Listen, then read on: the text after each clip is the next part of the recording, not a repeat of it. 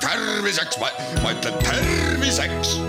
saade valmib koostöös Ida-Tallinna Keskhaiglaga, vaata ka itk.ee tere, head Kuku kuulajad, eetris on saade Terviseks ja kui me eilses saates rääkisime kodade virvenduse rütmiast, siis tänasel teemal jätkame. mina olen Ingela Virkus ja koos minuga on stuudios Ida-Tallinna Keskhaigla Südamekeskuse juhataja ja kardioloog Heli Kaljusaar, tere taas! tere! me rääkisime eelmises saates põgusalt juba eh, virvendusarütmia diagnoosimisest, aga kuidas inimene ise saab jälgida seda, kas tal on virvendusarütmia? Eelkõige me õpetame oma patsiente pulssi mõõtma, et kas siis käe pealt, randme pealt, ehk me mõõdame siis radiaalarteri pulssi või siis kaela pealt, kus me mõõdame unearteri pulssi. ja mida me seejuures õpetame, et ta saab vaadata, kas see pulss on ühtlane, ehk need südamelöögid on väga regulaarsed. Kui nad on enamus aega regulaarsed ja vahepeal on ainult üks niisugune ebaregulaarsus, siis tavaliselt on see ekstrasüstoolia ehk siis see lisalöök. kui see südametöö on täiesti ebaregulaarne, siis enamasti ongi ta virvendusarütmia ja sarnase tulemuse saab ka tegelikult äh, vererõhu mõõtjalt. et kas siis plingib mingi südameke seal või on mingid häältoonid ja kui need ei ole ühtlased, siis võiks sealt tagant kahtlustada virvendusarütmiat.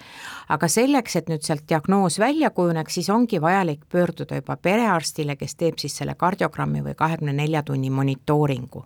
ja muidugi, et nagu me eelmine kord rääkisime, võib selleks hetkeks rütmihäire möödas olla. see on nüüd see koht, kust tulevad appi need nutiseadmed, nutikell, kus sa saad siis tõmmata alla selle kardiogrammiga seotud äpi ja sa paned näpukese nupu peale ja tegelikult su kell teeb kardiogrammi. on see usaldusväärne arstide silmis? tehnoloogia areneb väga kiiresti ja, ja see kvaliteet on aina parem, nii et äh, ma arvan, me ühel hetkel jõuame sinnamaani, kus me saame sealt ametlikult diagnoosi panna kui aga on nüüd inimesel diagnoositud äh, virvendusarütmia, siis äh, mis edasi saab? kui virvendusarütmia on diagnoositud, siis tuleb ära hinnata äh, trombemboolia riskitegurid ehk see edasine käsitlus, kõige olulisem koht on see, et, kas patsiendil on saada oht trombembooliat, ehk siis me enamasti räägime selles kontekstis insuldist. ja kui niisugune oht on olemas, siis tegelikult tuleb alustada verd vedeldavat ehk antitrombootilist ravi, mida nimetatakse ka antikoagulantraviks.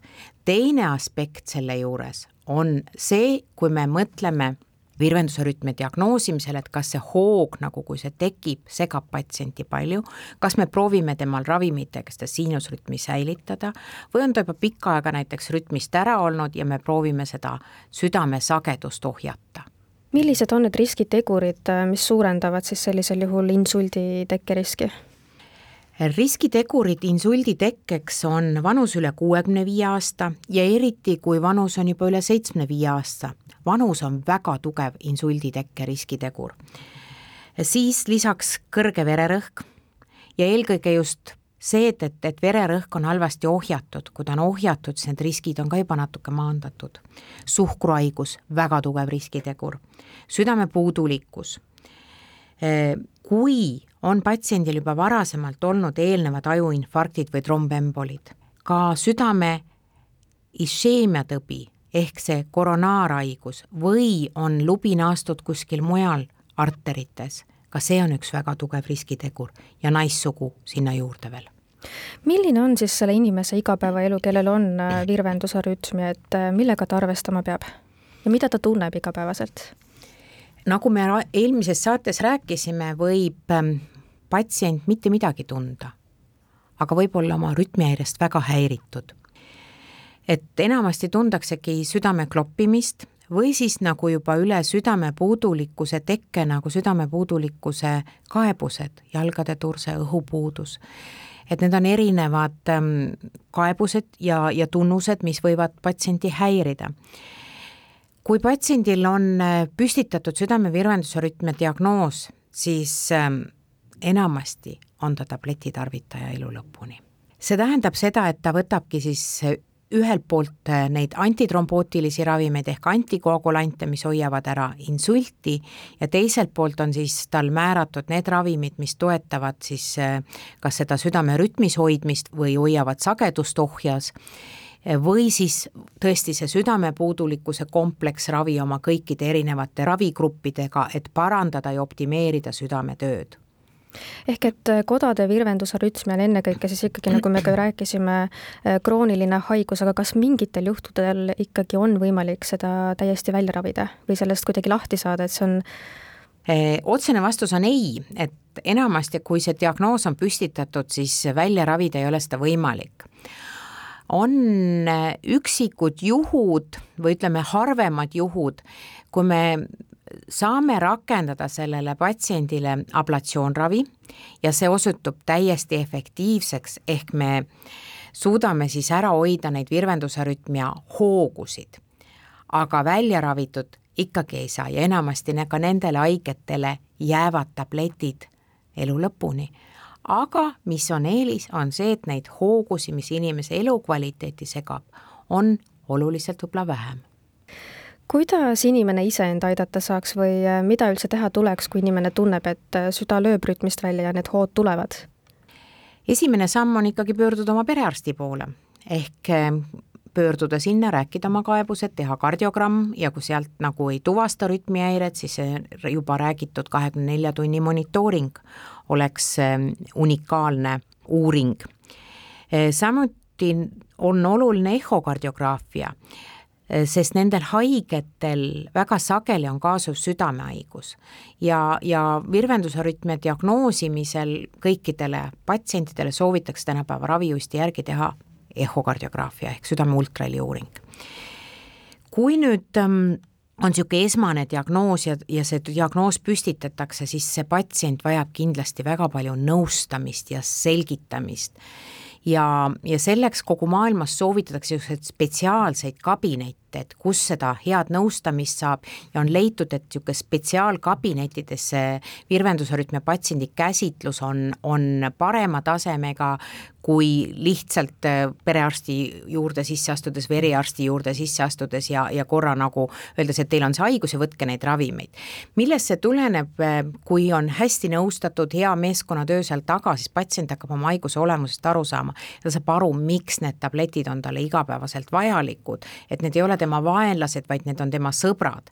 ja meil ITK-s on olemas selline unikaalne virvendusarütmia kabinet, mis kahekümne kolmandal novembril sai Äh, viieaastaseks. ehk meie majas on töö korraldatud nii, et kui esmase virvendusrütmia äh, hooga patsient jõuab EMO-sse ehk erakorralise meditsiini osakonda, siis seal pannakse kas ta rütmi tagasi või määratakse need esmased ravimid peale ja suunatakse õe vastuvõtule.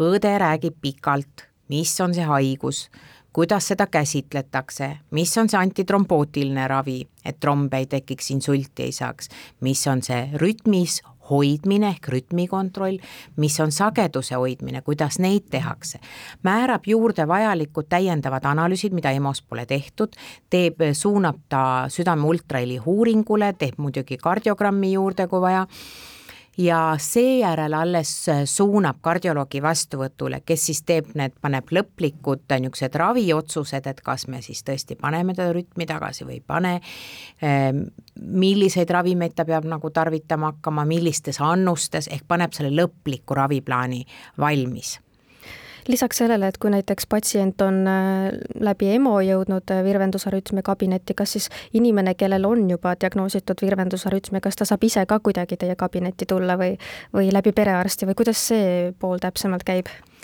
Eh, see on meil korraldatud nii, et, et perearst saab suunata siis vajadusel selle esmase diagnoosiga haige või siis juba need, kellel on mingid probleemid, et et millega perearst enam ise hakkama ei saa, et kas või, või sellesama rütmi taastamise eesmärgil, et siis ta suunab läbi e-konsultatsiooni, et on küll võimalik, aga kõigepealt tuleb siiski pöörduda sel juhul, kui sa EMO-sse ei satu, perearstile, perearst teeb e-konsultatsiooni ja siis ta jõuabki meie kabinetti. aitäh teile saatesse tulemast ja nõu andmast Ida-Tallinna Keskhaigla Südamekeskuse juhataja ja kardioloog Heli Kaljusaar ning palju jõudu ja jaksu teile! aitäh!